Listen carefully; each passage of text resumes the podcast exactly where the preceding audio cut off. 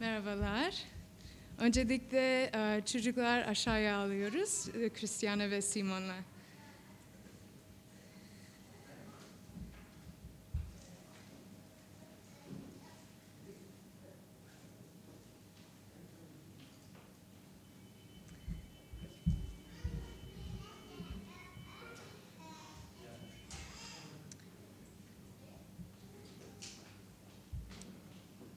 İbraniler 5, 1, 14'e kadar. İnsanlar arasından seçilen her başka hin, günahlara karşılık sunular ve kurbanlar sunmak üzere Tanrı'da ilgili konularda insanları temsil etmek için atanır. Bilgisizlere, yoldan sapanlara yumuşak davra- davranabilir. Çünkü kendisi de zayıflıklarla kuşatılmıştır. Bundan ötürü halk için olduğu gibi kendisi için de günah sunusu sunmak zorundadır. Kimse başka hin olma onu- onurumu kendi kendine alamaz.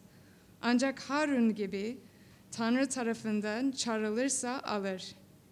Nitekim Mesih de başka hin olmak için kendi kendini yüceltmedi. Ona sen benim oğlumsun. Bugün ben sana baba oldum. Diyen Tanrı tarafından görevlendirildi. Başka bir yerde de diyor ki, sen Melkizedek düzeninde olan edebiyen kahinsin. Mesih insan bedenindeyken kendisini ölümden kurtarmaya kadir olan Tanrı'ya büyük feryat ve gözyaşlarıyla dua etti. Yukarıda ve takvası sebebiyle işitildi. O olduğu halde çektiği acılardan itaat, itaati öğrendi ve kemale er, e, erdirilmiş olarak sö- sözünü dinleyen herkes için edebedi kurtuluş kaynağı oldu. Çünkü Tanrı tarafından Melkizedek düzeni uyarınca başka hin atanmıştır.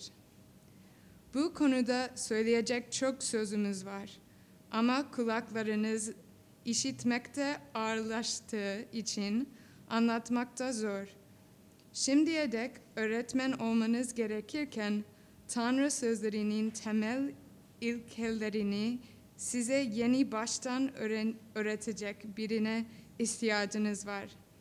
Size yeni süt gerekli, katkı yiyecek değil. Sütle beslenen herkes bebektir ve doğruluk sözünden de, e, deyimsizdir. Katı yiyecek yetişkinler içindir.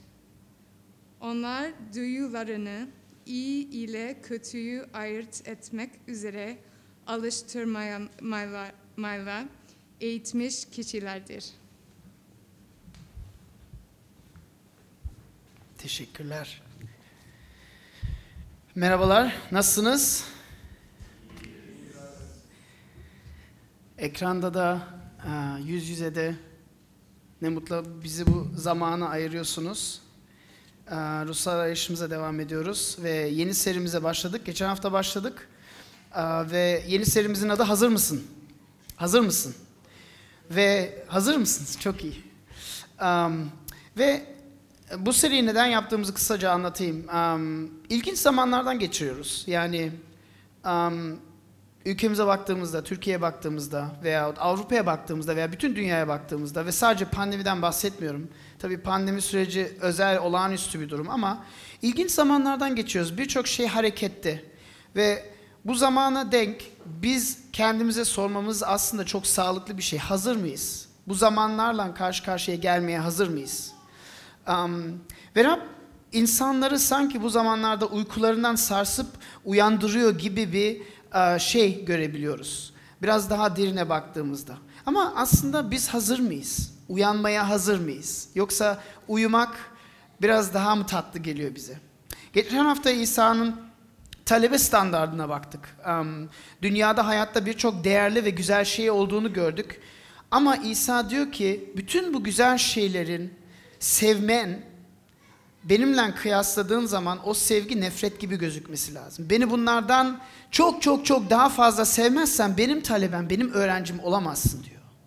Ve bugün İbraniler mektubuna giriyoruz ve biraz soğuk suya atlarmış gibi oluyor. Bilmiyorum. am, dağlara çıkıp böyle gerçekten buz gibi dağ sularına bir atladınız mı? Ama aslında İbraniler mektubu biraz böyle. Metni tanıdınız mı diye merak ettim. Tanıdık geldi mi? Bu senenin başında bu kilisenin am, kutsal yani bu senenin hedeflerine bakarak veya kutsal kitaba bakıp dua ederek Simon ve ben bu metni bu kilisenin ayetleri olarak seçtik. Ama unutmuş olabilirsiniz. Özellikle bu konuda söyleyecek çok sözümüz var ama kulaklarınız işitmekte ağırlaştığı için anlatmak zor. Şimdiye dek öğretmen olmanız gerekirken Tanrı sözlerini, temel ilkelerini size yeni baştan öğretecek birine ihtiyacınız var. Ayetlerini bu senenin, bu kilisenin gidişatı için özel bir ayet olarak seçtik. Ve onun için zaten belirli bir zaman bu ayetler üzerine vaaz vereceğimiz belliydi. Ve bunu bu vaaz serisinde yapıyoruz. Um, İbraniler mektubu biraz zor bir mektup. Um, ve biraz gizemli bir mektup. Çünkü bol eski ayete bağlamı var. Bol eski ayetten alıntısı var. Ve aslında bütün mektup İsa'nın üstünlüğünden bahsediyor. Her bakış açısından. Bütün eski ayet bağlantılarını alıp bakıp İsa'nın bütün bu alıntılardan bak- bakış açısından daha üstün olduğunu vurguluyor. Ve bugün de buna bunu göreceğiz. Ve İbraniler e, muhtemelen 65 ve 70 yıllarında yazılmış bir mektup. e, milattan sonra. Ve yazarı bilinmiyor. Um, kilise tarihinde bazıları Paulus'a bunu bu mektubu yazdığını tahmin ediyor ama bugün kimse bunu inanmıyor. Çünkü Paulus'un yazış tarzı tamamen farklıydı. Bazıları Paulus'un yazıp Luka'nın tercüme ettiğini tahmin ediyor ki o zaman bu bazı şeyleri açıklayabilir ama konular farklı. Bazıları Barnabas tarafından yazılmış olan olduğunu düşünüyor. Ve Luther mesela Apollos tarafından yazıldığını düşünüyor ama e, şunu söyleyebiliriz, bilmiyoruz kim tarafından yazıldığını. Ve burada gördüğümüz şey aslında o kadar da önemli değil. Çünkü Rab kendi sözünü, kendi kelamını özgür bir şekilde, kendi iradesine göre bizim için yazmış yazmış durumda. Ve İsa Mesih'i kavramak için, yani zor mektup dedim ama İsa Mesih'i kavramak için aslında bu gerçekten yine ayetin bir hazinesi. Bu mektup elimizde olması ne kadar zor olursa olsun ve altın madeni gibi. Ee, orada altın kazanmak biraz zor ama biraz çabalayınca, elimize altın ulaşınca mutlu oluyoruz. Ve bu, bu mektup biraz böyle. Um, eski ayeti nasıl okumak lazım, nasıl anlamak gerek? Um, bu mektup bizim gö- gözüm önünüze getiriyor. Ve aslında birçok uyarı var, ciddi uyarılar var ama birçok teşvikler de var. Um, ve burada gerekir gibi olgunlaşmışlıktan bahsediyor. Yani aslında sizin gerekir gibi olgunlaştınız mı sorusunu soruyor. Biz bütün 5. bölüme bak- baktık ama ağırlığımızı 11. ve 10 14 ayet e, bölümüne bak vereceğiz ve yetkinleşmek, olgunlaşmak bugün konu, konumuz. Um, neden? Çünkü kendi vatanımıza olgun, yetkin, tecrübeli insanlar lazım. Düzgün, adil, dürüst ama Rabbi seven insanlar lazım. Ve metnin birçok zengin yönleri var. Biz sadece üç şeye bakacağız bugün. Eve gittiğinizde devamını siz okumaya teşvik ederim. Üç şeye bakacağız ve arkadan öne doğru ilerleyeceğiz. Metnin arkasından öne doğru ilerleyeceğiz ve anlamaya çalışacağız. Üç şeyi paylaşmak istiyorum. Ve bülteninizde notları bulabilirsiniz. Olgun olmanın belirtisi, olgun olmanın amacı ve olgun olmanın aracı. Olgun olmanın belirtisi, amacı ve aracı. Başlayalım mı? Hazır mısınız?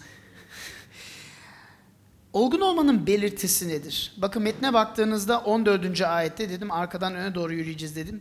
Diyor ki katı yiyecek yetişkinler içindir. Onlar duyularını iyi ile kötüyü ayırt etmek üzere alıştırmayla eğitmiş kişilerdir. İyi ve kötüyü ayırt etmek söz konusu ve bu yetkin bir insanın belirtisi. Size soru sormak istiyorum. İyi ve kötüyü nasıl ayırt ediyorsunuz? İyi ve kötüyü nasıl ayırt ediyorsunuz? Doğru ve yanlışı nasıl ayırt ediyorsunuz? Gündelik hayatınızda. Ki Bu çok önemli bir konu. Çünkü sabah kalktığımızdan akşam uyuyana kadar beynimiz devamlı doğru yanlış doğru yanlış iyi kötü iyi kötü diye e, bize konuşuyor. E, biraz dikkat ederseniz devamlı ya kendinizi yargılıyorsunuz ya insanları yargılıyorsunuz ya etrafınızı yargılıyorsunuz ama devamlı doğru yanlış iyi kötü diye devam ediyor. Pimpon oynar gibi. Yani çok önemli konu ama neye göre iyi ve kötüyü ayırt ediyorsunuz? Kendi vicdanınıza göre mi ayırt ediyorsunuz? Ama vicdan sosyokültürel bir yapı olduğu ispatlanmıştır. Yani Türkiye'deki yaşayan bir insanın vicdanı e, Amerika'daki yaşayan bir insanın vicdanından çok farklı olabilir. Veya dağ başında e, büyük şehri hiç görmemiş bir insanın vicdanından çok farklı olabilir.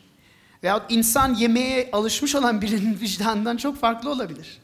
Haberlerden mi iyi ve kötüyü ayırt ediyorsunuz? Ama haberler insan tarafından yapılıyor ve birçok kişi haberler insanları manipüle etmek için yapılıyor iddiasında. Ve haberlerden iyi ve kötüyü ayırt ediyorsunuz. Hangi haberleri dinliyorsunuz? Yoksa çevrenize bakarak mı iyi ve kötüyü değerlendiriyorsunuz? Aile çevreniz olabilir veya dost, arkadaş çevreniz olabilir. Ama o zaman arkadaş çevreniz değiştiğinde bu gerçekten doğru ve yanlışı belirliyor mu hayatınız için? Bakın herkes için çok önemli bir soru. Herkes her gün, her an iyi, kötü, doğru, yanlış kavramlarıyla yaşamak zorunda. İnsanlığın bir parçası bu. Ve belki bugün Hristiyan olmayan birisi olarak buraya geldiniz. Ayağınıza sağlık. Veya dinliyorsunuz e, online'dan, Zoom- Zoom'dan ve e, Zoom diyorum. Artık kafamız Zoom oldu. E, YouTube'dan veya Instagram'dan dinliyorsunuz. Ve iyi kötü sorusunu kendi kendinize soruyorsunuz. Um, 20. yüzyılda Jacques Derrida adlı bir Fransız e, filozofu postmodernizmi kurdu. Daha doğrusu e, yapı sökümcülüğü kurdu ve diyor ki iyi ve kötü, doğru ve yanlış yok. Yok, sadece bir illüzyon. Yani diyor ki olur olursa öznel doğru ve yanlış olur. Yani senin için doğru ama benim için yanlış olabilir. Veyahut senin için yanlış ama benim için doğru olabilir. Ama lütfen kendi görüşlerini benim hayatıma üstlenme. Nesnel doğru ve yanlış yok iddiasında. Ve bu yapı, yapı sökümcülük veya görecilik diyebiliriz. Ve iddiası şu mutlak bir gerçek yok. Ve bu bilmiyorum okudunuz mu çok e, güzel bir hikaye var. Bir fil hikayesi var. Um, dört tane kör adam gidip bir fil fili buluyorlar. Ve fili e, anlatmaya çalışıyor, açıklamaya çalışıyorlar. Birisi işte um, e, ayağını tutuyor. Diyor yok bu fil ağaç gibi. Hiç oynatılmaz. Çok sert.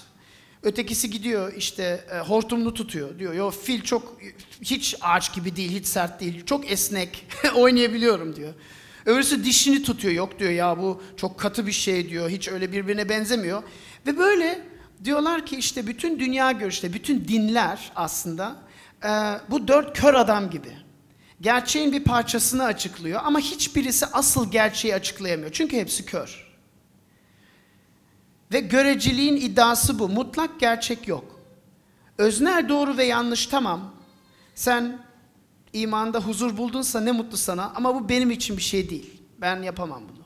Çünkü bu doğ- benim için doğru değil. Senin için doğru olabilir. Ama nesnel doğru ve yanlış yok. Tüm dinler yalnız nesnel olarak doğru olabilir. Herkes kör. Bu iddiayı hiç duydunuz, bu hikayeyi hiç duydunuz mu? Duymadınız mı? Um, çok çok meşhur olan bir hikaye. Bakın problem ne biliyor musunuz? Doğru ve yanlış yok dediğimizde bu iddianın doğru olduğunu iddia ediyoruz.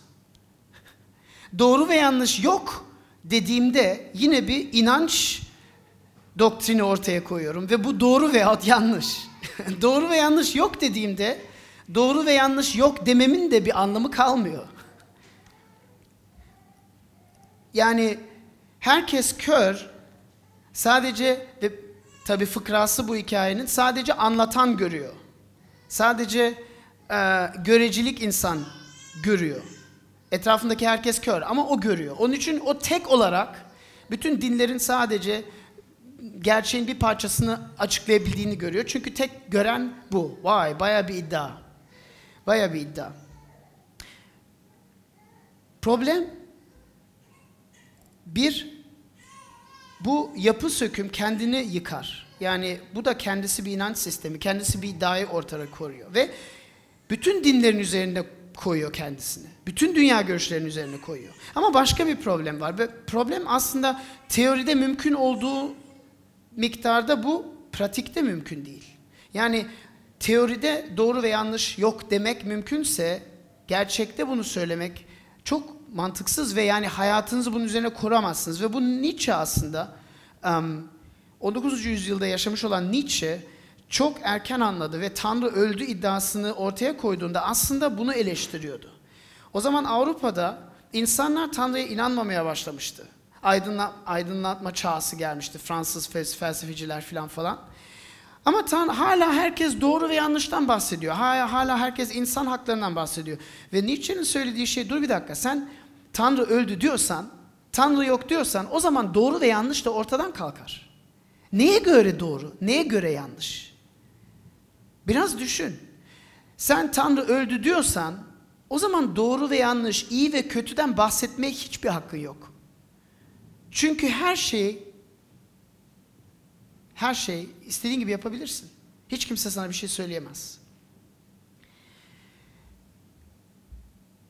Ve bu yine bizim başlangıçta sorduğumuz soruya geri atıyor. Senin için iyi ve kötü nedir? İyi ve kötüyü nasıl ayırt ediyorsun? Neye göre iyi veyahut kime göre kötü? Allah'a göre iyi diyorsan hangi Allah'a göre? Kitaba göre iyi diyorsan hangi kitaba göre? Çünkü hepsi farklı. um, bu metni yazan İbranilerin yazarına göre 11. 12. ve 13. ayete bakarsanız devamlı tekrar ettiği sözlerden bahsediyor. Çok sözümüz var diyor. Um, Tanrı'nın sözlerinden bahsediyor. Um, doğruluk sözünden bahsediyor. Devamlı bir şey tekrarlıyor. Devamlı bizim gözümüze bir şey sokmak istiyor. Yani diyor ki doğru ve yanlışı kutsal kitaba göre vurgulaman lazım. Doğru ve yanlışı, iyi ve kötüyü kutsal kitaba göre karar vermen lazım diyor. Ve bunu nasıl yapıyor? Eski ayet yani Tevrat, Mezmular, Zebur ve İncil'in ve e, yeni ayet yani Tevrat, Zebur ve İncil hepsi aynı şey söylediğini ispat, ispatlıyor. Bu çok daha derin bir konu ama devam edelim. Olgun olmanın amacı, olgun olmanın belirtisine baktık. İyiyi ve kötüyü, doğruyu ve yanlışı ayırt edebilmek. Peki olgun olmanın amacı nedir? 12. ayete bakarsanız diyor ki şimdiye dek öğretmen olmanız gerekirken Tanrı sözlerinin temel ilkelerini size yeni baştan öğretecek birine ihtiyacınız var diyor. Öğretmen olmak. Siz aslında çoktan öğretmen olmanız lazımdı diyor. Yani Rabbin kelamında yetkin olmanız lazımdı diyor. Bilgin olmanız lazım diyor. Başkalarına açıklayabilmek durumda bulunmanız lazımdı diyor. Sorulara cevap verebilmeniz lazımdı diyor. Ve bakın bu çok ilginç. Çünkü burada e, kilisede görev alan insanlardan bahsetmiyor. Herkesten bahsediyor. Bütün kiliseye yazılmış bir mektup. Fakir olsun, zengin olsun, eğitimli olsun, eğitimsiz olsun hiç fark etmiyor. Herkese yazıyor. Hepinize öğretmen olmanız lazımdı diyor. Her imanlıya bu iddiayı sunuyor. Ama tabii bir sorun var. Sorun ne? 11. ayette diyor ki bu konuda söyleyecek çok sözümüz var ama kulaklarınız işitmekte ağırlaştı. Ve ağırlaştığı için anlamıyorsunuz diyor. Ne demek yani yaşları mı çok yaşlı insanlara mı yazıyor? Ağırlaştı, kulak ağırlaştı. Yani bunlar yaşlı, yaşlılar yurduna mı yazıyor acaba?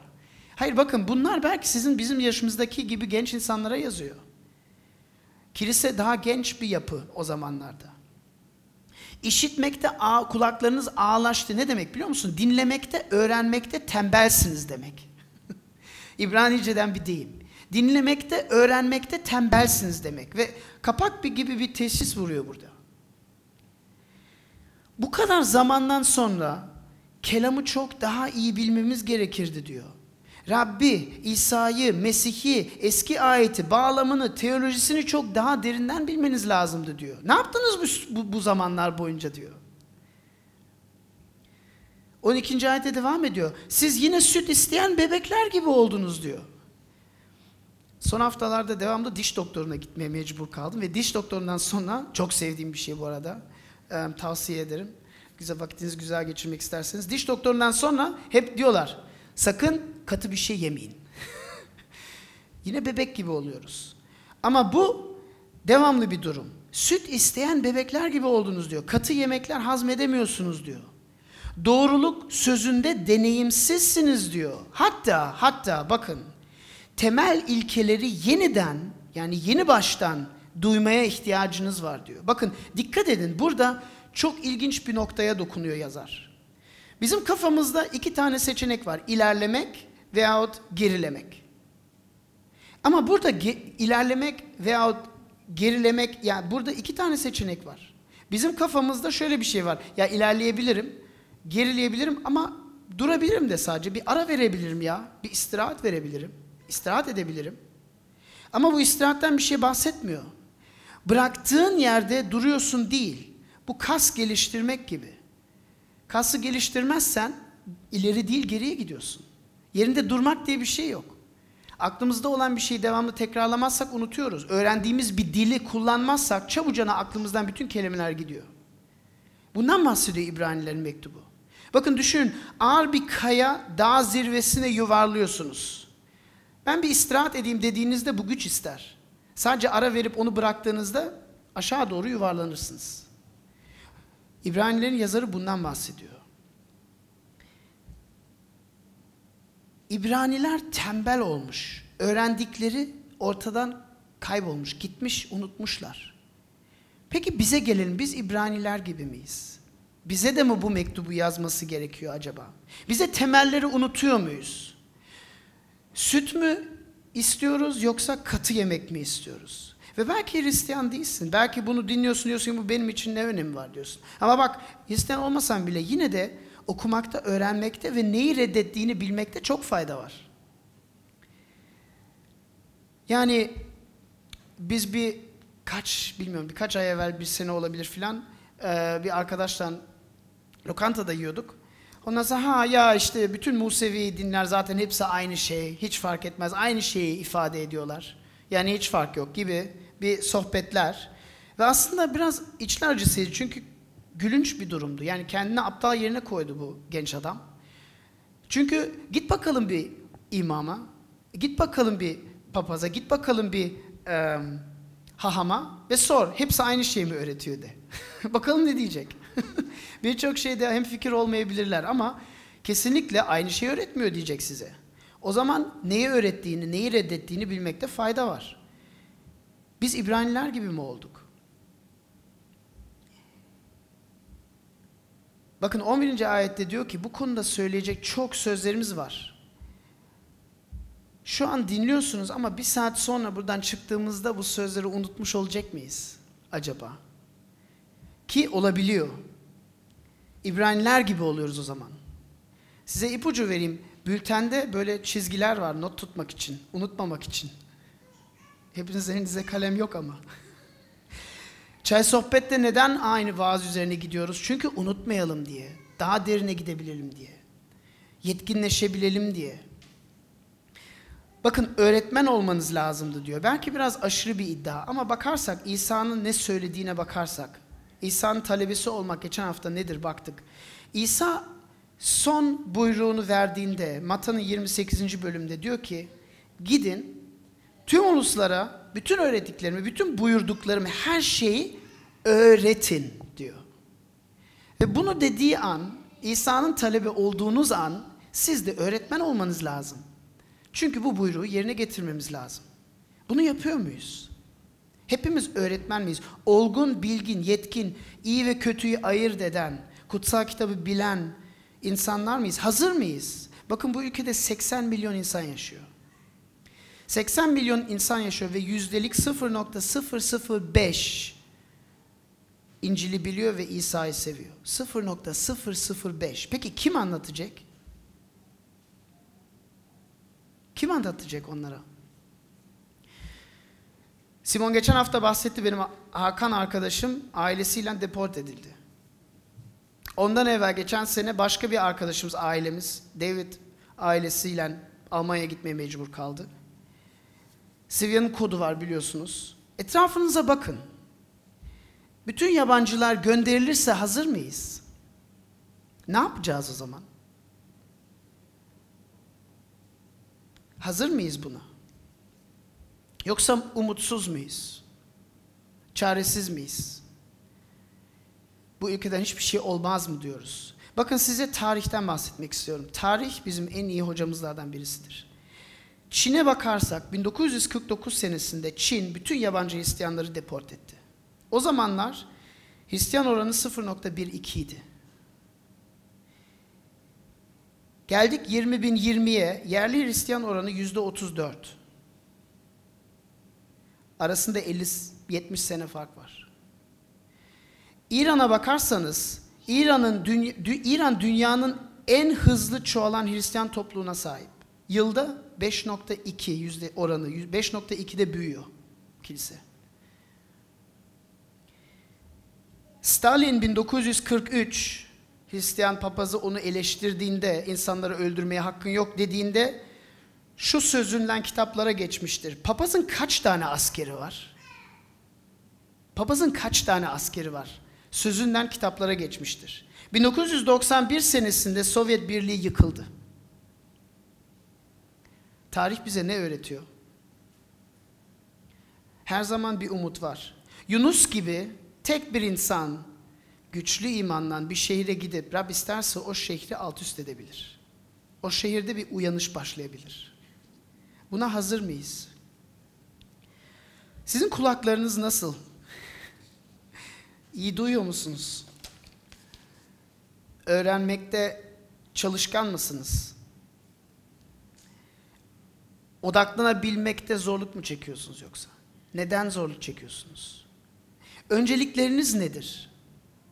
Belki bireysel hedeflerimizdir veyahut eğlenmektir veyahut belki istirahat etmektir veyahut bu zamanlar çok zor zamanlar. Hepsi için anlaş, anlıyorum, ben de anlıyorum. Biz de çok zorlanıyoruz.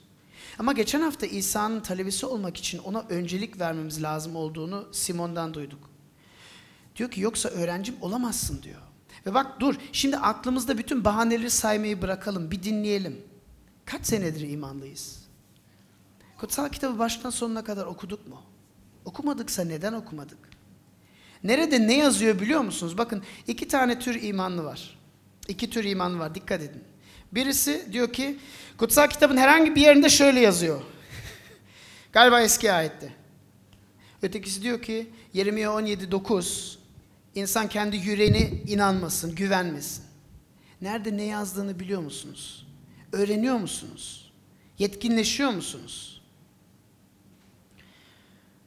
Bakın doğruluk sözlerinde deneyimli miyiz? Bakın İsa çölde şeytan tarafından denendiğinde de kendini nasıl savunduk biliyor musunuz? Mata 4'te. Kendini kutsal kitaptan alıntılarla savundu. Dedi kutsal kitapta şöyle yazılıdır dedi. Tanrı'yı denemeyeceksin dedi. Kutsal kitapta şöyle yazılıdır dedi.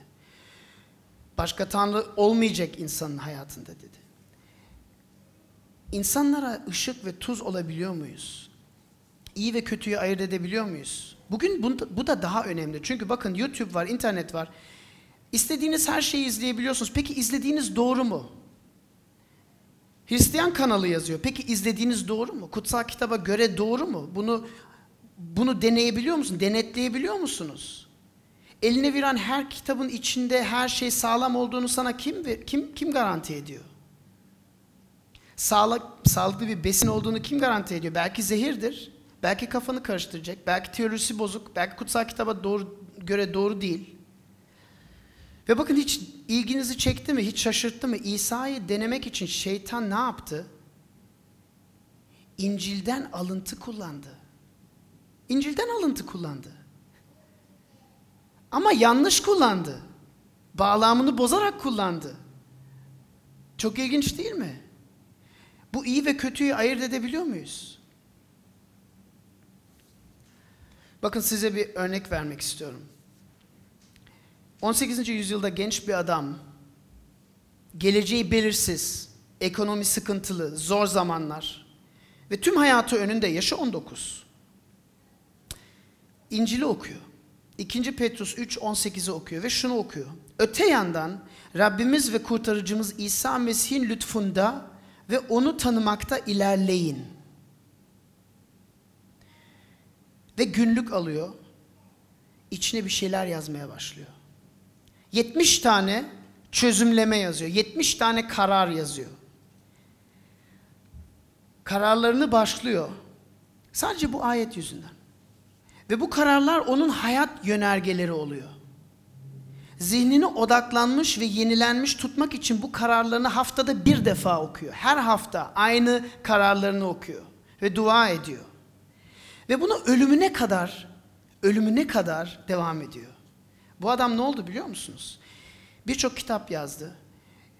Dünyanın en büyük uyanışlarının katalizatörü oldu. Birçok insanı etkiledi. İnsan tarihin en dahi insanlarına sayılıyor. Zihni en akıllı, en yüce insanlara sayılıyor. Adamın ismi Jonathan Edwards. Kararlarını okumak me- merak ettiniz mi? Birkaç tane örnek vereyim size. Şöyle yazıyor. Yaşadığım sürece Tanrı'nın yüceliği için en önemli gördüğüm şeyi gereken zamanı dikkate almadan yapmaya kararlıyım. Birinci çözümlemedeki şeyleri uygulamak ve tanıtmak için yeni yollar bulmak için çaba göstermeye devam edeceğime kararlıyım. Başarısız olup düştüğümde bu kararların herhangi bir kısmını uygulamamasını ihmal etmeye başladığımda tövbe edeceğim. Tanrı'yı yücelten Tanrı'yı yücelten dışında fiziksel veya ruh, ruhsal olarak hiçbir şey yapmamaya ve bu vazgeçtiğim şeylerden dolayı üzülmemeye kararlıyım. Asla bir an bile israf etmemeye ve zamanımı elimden gelen en karlı şekilde kullanmaya kararlıyım. Her fırsatta kendi ölümümü ve ölümle ilgili olan şeyler hakkında çok düşünmeye kararlıyım. Adam 19 yaşında. 19 yaşında. Çözülecek herhangi bir teolojik sorun olduğunda bunu hemen çözmeye, elimden geleni yapmaya kararlıyım. Ne olursa olsun asla intikam amacıyla herhangi bir şey yapmamaya kararlıyım. Yeme ve içmemde en akıllıca ve en sağlıklı uygulamaları sürdürmeye kararlıyım. Kutsal yazıları o kadar istikrarlı, sürekli ve sık okuyup incelemeye kararlıyım ki onlarla ilgili bilgilerimin arttığını belli bir şekilde meydana vursun. 70'ten sadece 10 tane seçtim. Bak tarih yazarları böyle yaşar. Bir şehri, bir ülkeyi alt üst eden insanlar böyle yaşar. Bizim yazdığımız vizyonu İstanbul'u muhteşem bir şehre dönüştürmeye destek olmak istiyoruz. Vizyonu gerçekleştirmek için böyle yaşamamız lazım. Hazır mısın? Peki nasıl yapabiliriz? Bakın Edwards bu kararların başında şunu yazmıştı, en başında. Tanrı'nın yardımı olmadan hiçbir şey yapamayacağımı bildiğim için onun lütfuyla, onun iradesine uygun olduğu sürece ve Mesih'i onurlandırdığı takdirde bu kararları tutmamı sağlaması için dua ediyorum. Bu bizim duamız olsun. Hazır mıyız? Son şeye bakalım. Olgun olmanın aracı. Olgun olmanın aracı nedir? Bakın evvelden de söyledim sözlerimizden bahsediyor birçok defa. 11. ayette, 12. 13. ayette sözlerden bahsediyor. Tanrı'nın sözlerinden bahsediyor. Kelamdan bahsediyor. Ve bakın Yuhanna'ya bakarsanız ve Yuhanna İsa'nın en sevdiği, en yakın talebesiydi. En sevdiği, en saf, en samimi arkadaşıydı. Ve onun en önemli, en temel konularından birisi kelam. Yuhanna müjdesine bakarsanız ilk ayeti şöyle başlıyor. Başlangıçta söz vardı. Söz Tanrı ile birlikteydi ve söz Tanrı'ydı. 14. ayette devam ediyor. Kelam insan olup aramızda yaşadı. Yuhanna 6.68 Rab biz kime gidelim diye soruyor Petrus. Sonsuz yaşamın sözleri sendedir. Yuhanna 14.6 İsa şunu söylüyor. Yol, hakikat ve hayat benim. Ben vasıta olmadıkça babaya kimse gelmez. Bakın kelam neden o kadar önemli? Çünkü kelamın kelam İsa'nın ta kendisi. Kelam İsa'nın ta kendisi. Yalnız doğru ve yanlış değil, yaşam verici, huzur verici, mutluluk verici. Bütün hayatta aradığımız şeyler onun elinde. Edwards bunu anladığı için 19 yaşında o belirsiz geleceğin ne rağmen bunu anladığı için bu çözümlemeleri yazdı ve hayat boyunca bunlara göre yaşadı. Nasıl yapabiliriz? Bakın 11. ayette diyor ki bu konuda size çok söyleyeceğimiz şeyler var diyor. Bu konu nedir? İsa'nın baş kain olması. İlk ayetlere dönüyorum. İlk ayetten bahsediyor. İnsan ve Tanrı'nın arasında arabuluculuktan bahsediyor. Ama diyor ki Harun gibi bir baş kain değil. Melkizedek gibi bir baş kain diyor. Şimdi eski ayeti iyi bilmemiz lazım. Baş kain nedir? Baş kain Tanrı ve insan arasında bir arabulucu. İnsanları Tanrı'nın önünde temsil eden birisi. Bu neden gerekli? Çünkü Rab kutsal. Rab günahsız. Rab günah, mükemmel. Ama bizler değiliz. Bizler günahkarız. Bizler sorumlu insanız. Ve Rabbi reddettik. Onun için baş kain lazım. Bir baş kain lazım. Bizi temsil eden bir baş kain lazım. Ama bakın sorun günah, insanların günahkarlığı, günaha düşen biri Allah'la ir- irtibası kopuk. Şimdi diyor ki eski ayette Harun'du baş kain diyor ama Harun'un günah işlediğini çok iyi biliyoruz. Musa Tanrı'nın on emirlerini karşılamaya gittiğinde bütün İsrail halkının altınlarını aldı ve bir put yaptı. Musa geri döndüğünde bir de baktı bütün halk başka putlara tapıyor. Peki Harun nasıl baş kainlik yapabilir? Üçüncü ve dördüncü ayetlerde diyor. Önce kendi günahların için bir sunum vermesi lazım diyor. Kendi günahları için kurban kesmesi lazım diyor. Ama İsa Harun gibi değil. Melkizedek gibi. Melkizedek kim? Melkizedek kim hiç duydunuz mu? Bakın İbrahim sürgün bir yaşam yaşadığında geliyor başka ulusların kralları geliyor ve o yokken e, yeğeni Lot'u kaçırıyor, sürgün götürüyor. Ailesini, evini, karılarını bilmem ne bilmem ve İbrahim arkasından gidiyor. Birkaç adamlarla arkasından gidiyor ve beş tane kralı yeniyor ve bunları geri götürüyor. Ve birdenbire dönüşte Melkizedek adlı birisi çıkıyor karşımıza. Yaratılış 14-18 Yüce Tanrı'nın kahini olan Şalem kralı Melkizedek ekmek ve şarap getirdi. Bu da kim? Nereden geliyor? Nereye gidiyor? Çok ilginç bakın. Melkizedek hem kahin hem kral. Bu eski ayette hiçbir yerde yok. Hem kahin hem kral. Yok eski ayette. Sadece yeni ayette var. Biliyoruz İsa Mesih bizim baş kahinimiz, ebedi kralımız ve peygamberimiz. Üç şey birleştiriyor. Ama eski ayette böyle bir şey yok. Şalem'den geliyor. Şalem kralı. Daha İbrahim çölde sürgün yaşam yaşarken Şalem sonra Kudüs'e dönüyor. İsrail halkının merkezine dönüyor. Ama bu yüzyıllar sonra birdenbire Şalem kralı çıkıyor ortamıza. Üçüncü ilginç şey ekmek ve şarap getiriyor. Oh! ekmek ve şarap bin, binlerce yıl sonra İsa'nın son akşam yemeğinde ekmek ve şarabı bize veriyor. Kim bu Melkizedek? Allah Allah. İbrahim ona ondalık veriyor. İbrahim ondan bereket duasını istiyor. Yani kendinden daha üstün birisinin olduğunu kabul ediyor demek. Ve Melkizedek'in hiçbir şeysi belli değil. Ne doğumu belli, ne ölümü belli. Yani başlangıcı ve sonu yok olan birisi. Ve İbraniler yazarı bunu vurguluyor. Diyor ki, bu adam İsa'nın bir örneği. İsa ona göre birisi diyor. Başlangıcı ve sonu olmayan birisi diyor. Mezmurları alıntı olarak kullanıyor. Bakın 5. ayette Me- Melkizedek düzeninde ebediyen kainsin diyor. Ve yetmezmiş gibi oğlum bugün senin oğlumsun diyor. Tanrı ona oğlum diyor. Puh. Bakın bu çok farklı bir şey. Kutsal topraklarda yürüyoruz bu ayetlere baktığımızda. İsa Mesih'in kim olduğunu bize çok güçlü bir şekilde göz önümüze getiriyor. İsa'nın başlangıcı ve sonu yok. İsa yaratılmış birisi değil. İsa günahkar birisi değil. İsa kendi günahları için bir kurban kesmesi lazım değil tapınağın en kutsal yerine girmesi için. İsa Tanrı'nın ta kendisi, kelamı, sureti. Ve bakın kendimize geldiğimizde gerçeği kabul etmek biraz acı. Bu öğretilerin hepsi hiç popüler olmadığını biliyorum. İnsan günahkarmış, berbatmış, çaresizmiş. Bunu kabul etmek istemiyoruz. Çünkü gururumuzu paralıyor. Kibrimizi paralıyor. Ama doğrusu gerçeği kabul etmek zor. İnsanın bozuk, berbat, çaresiz birisi olmasını kabul etmek zor. Rab'den uzak olması zor.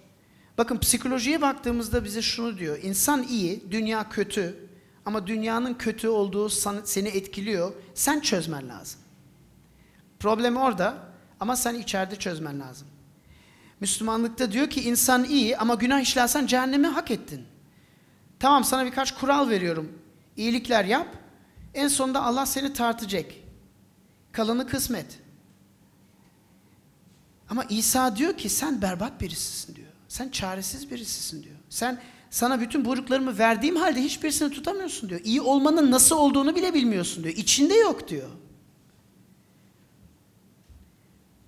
Allah seni kesin kabul edemez. Tartsa hiçbir şey ifade etmez diyor. Ne kadar iyi şey yapmaya çalışırsan yap diyor. Fakat ben senin hak ettiğin yargıyı üstleniyorum. Ebedi başkain olarak, günahsız olarak üstleniyorum. Ama Harun gibi değil. Çünkü ben günahsızım diyor İsa. Bakın tüm insan tarihinde yaratılıştan İsa'nın ikinci gelişine kadar tek günahsız yaşamış olacak insan İsa olacak. Kendisini buna rağmen kurban olarak bizler için sunan İsa. Ama daha da fazlası. Başlangıcı yok, sonu yok. Ebedi Tanrı. Oğul. Yoksa 8. ayet tamamen mantıksız. Neden diyor oğul olduğu halde çektiği acılardan itaat öğrendi? Her oğul itaat öğreniyor. Her oğul acı çekiyor. Ama bunu Tanrı'nın ta kendisi yapması tamamen kafamızı atlatıyor. İsa herhangi birisi değil. Çarmıhta İsa aracılığıyla Tanrı'nın kendisi bizleri kendisiyle uzlaştırıyor. Günahlarımızın cezasını çekerek bizleri affedip bağışlıyor. Ve 9. ayete bakarsanız kemale erdirilmiş olarak sözünü dinleyen herkes için herkes için ebedi kurtuluş kaynağı oluyor. Buna inanabiliyor musun? Buna inanabiliyor muyuz? Bak bu ne kadar değerli, ne kadar muhteşem bir şey olduğunu, ne kadar mucize bir şey olduğunu görünce nasıl tembel olabilelim? Nasıl tembel olabilelim? Olgun olmanın aracı İsa, olgun olmanın aracı kelam. Bunları gördüğümüzde, bizim yap, için yaptıklarını gördüğümüzde, bizim için çektiklerini gördüğümüzde, bizim hak etmediklerimizi gördüğümüzde nasıl tembel olabiliriz? Nasıl İsa Mesih hakkında daha fazla dinlemek, öğrenmek istemeyebiliriz? Onun talebesi olup herkese sözlerini açıklayıp öğretmek istemeyiz. Nasıl olur imkansız? Buna hazır mısın? Kendi ben merkezciliğimizden kopalım. Türk milletimize, halkımıza, komşularımıza, şeh- şeh- şehrimize hizmet etmeye başlayalım. Kendi rahatlığımızdan feda edelim. Çünkü İsa da kendi rahatlığından vazgeçti. İsa da kendi hayatını bizim için verdi. İsa da Tanrı özüne sahip olmasına rağmen her şeyi bıraktı ve bir fakir insan oldu bizim için. Ve kendini feda etti. Hazır mısın? Dua edelim. Rab sana şükrediyoruz bu bu metinler gerçekten derin. Bu vaaz serimizi verdiğin için bu İbranilerin mektubunda senin üzerine okuyabilip keşfedebildiklerimiz için sana şükrediyoruz. Sen bizi yetkinleştir, olgunlaştır. Bizi çalışkan kıl. Bu 19 yaşındaki çocuk gibi yap. Türkiye'de birçok yüzlerce, binlerce bu 19 yaşındaki çocuk gibi çocuklar yetiştir Rab. 19 yaşında hayat yönergelerini belirleyip ölümüne kadar ona göre yaşayan tarih yazarlarını yetiştir diye dua ediyorum Rab. Senin adına. Amin.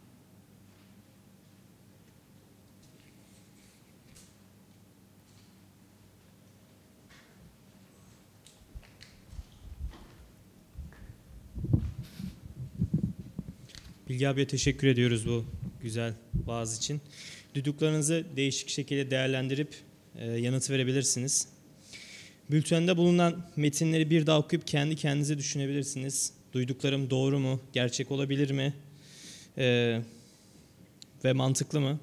Ayrıca ezgilerin sözlerini bizimle birlikte söyleyebilirsiniz ve onlara dikkat edin. Çünkü Tanrı'nın sözleridir. Ve şimdi birlikte Rabbin sofrasını kutlayacağız.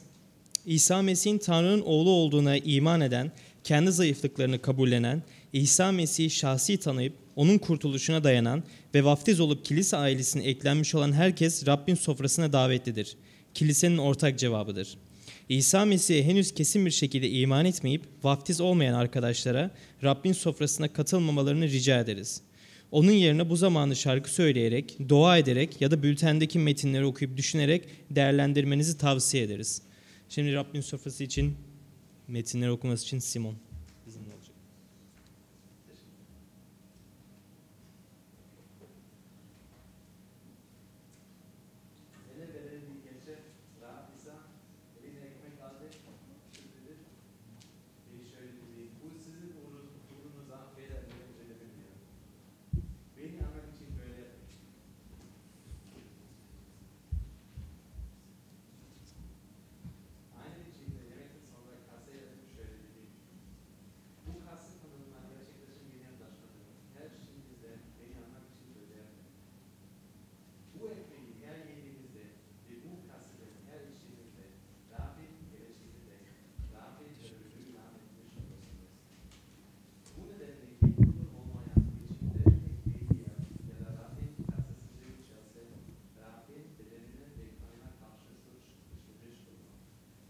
she